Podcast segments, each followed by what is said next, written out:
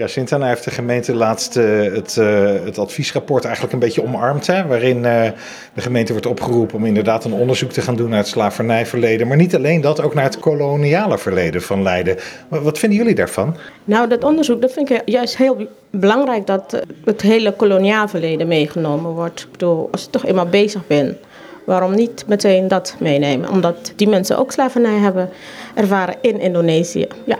Ja, dus niet alleen uh, bij uh, de overzeese gebieden bij de uh, Nederlandse Antillen of de voormalige Antillen en Suriname, maar ook Indonesië. Ja, dat klopt. Dus daarom is het fijn goed dat Leiden ook onderzoek doet naar het, dat verleden. En dan wordt er geadviseerd, je moet dat eigenlijk helemaal samenpakken, hè? ook de herdenking. Ja, daar zijn we het er niet mee eens. Daar hebben echt iets van. Het is, het is een, een, een verhaal op zich. Wij hebben onze geschiedenis, zij hebben hun geschiedenis. Beide even erg. Maar uh, de trauma's zijn echt verschillend. En je kunt niet hetzelfde doen wat je dan. Uh, de, de, de West en de Oost, dat, dat, gaat niet samen. De mensen uit Indonesië die hebben een hele andere geschiedenis. En, en er is daar ook al heel gesteggel over, onderling. Want wat zijn dan de, de grote verschillen waarom het niet samen kan? Ja, rituelen, de trauma's, een hele andere geschiedenis, andere mensen. Ja, dat kun je niet op één hoop gooien. En dus ook niet gaan herdenken in de toekomst bij één monument in Leiden? Nou, dat wil ik niet meteen uitsluiten.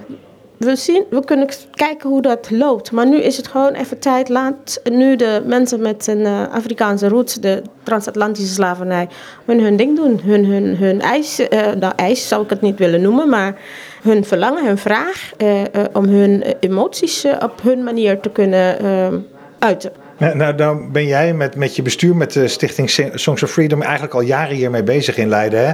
Uh, ben je niet een beetje laat nu met deze kritiek, nu het rapport er eenmaal ligt? Um, ja, ik ben. Ik hoop het niet. Ik hoop het niet, want ik heb. Uh, daarom was, ben ik hier dus voor het inspreken. Maar um, wat ik zelf vind, dat de gemeente nu nog kan luisteren. Er is nog niks besloten. En er is ook gezegd dat uh, er gekeken moet worden naar de stad.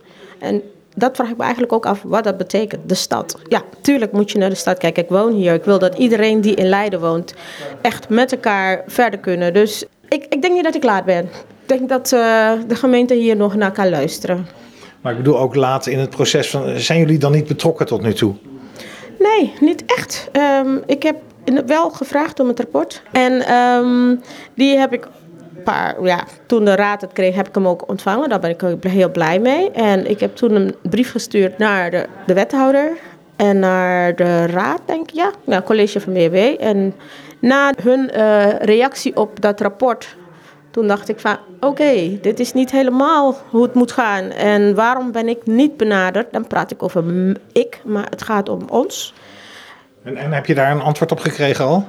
Nee, nee, nee, nee dat is dus pijnlijk. Ja, dat is heel pijnlijk.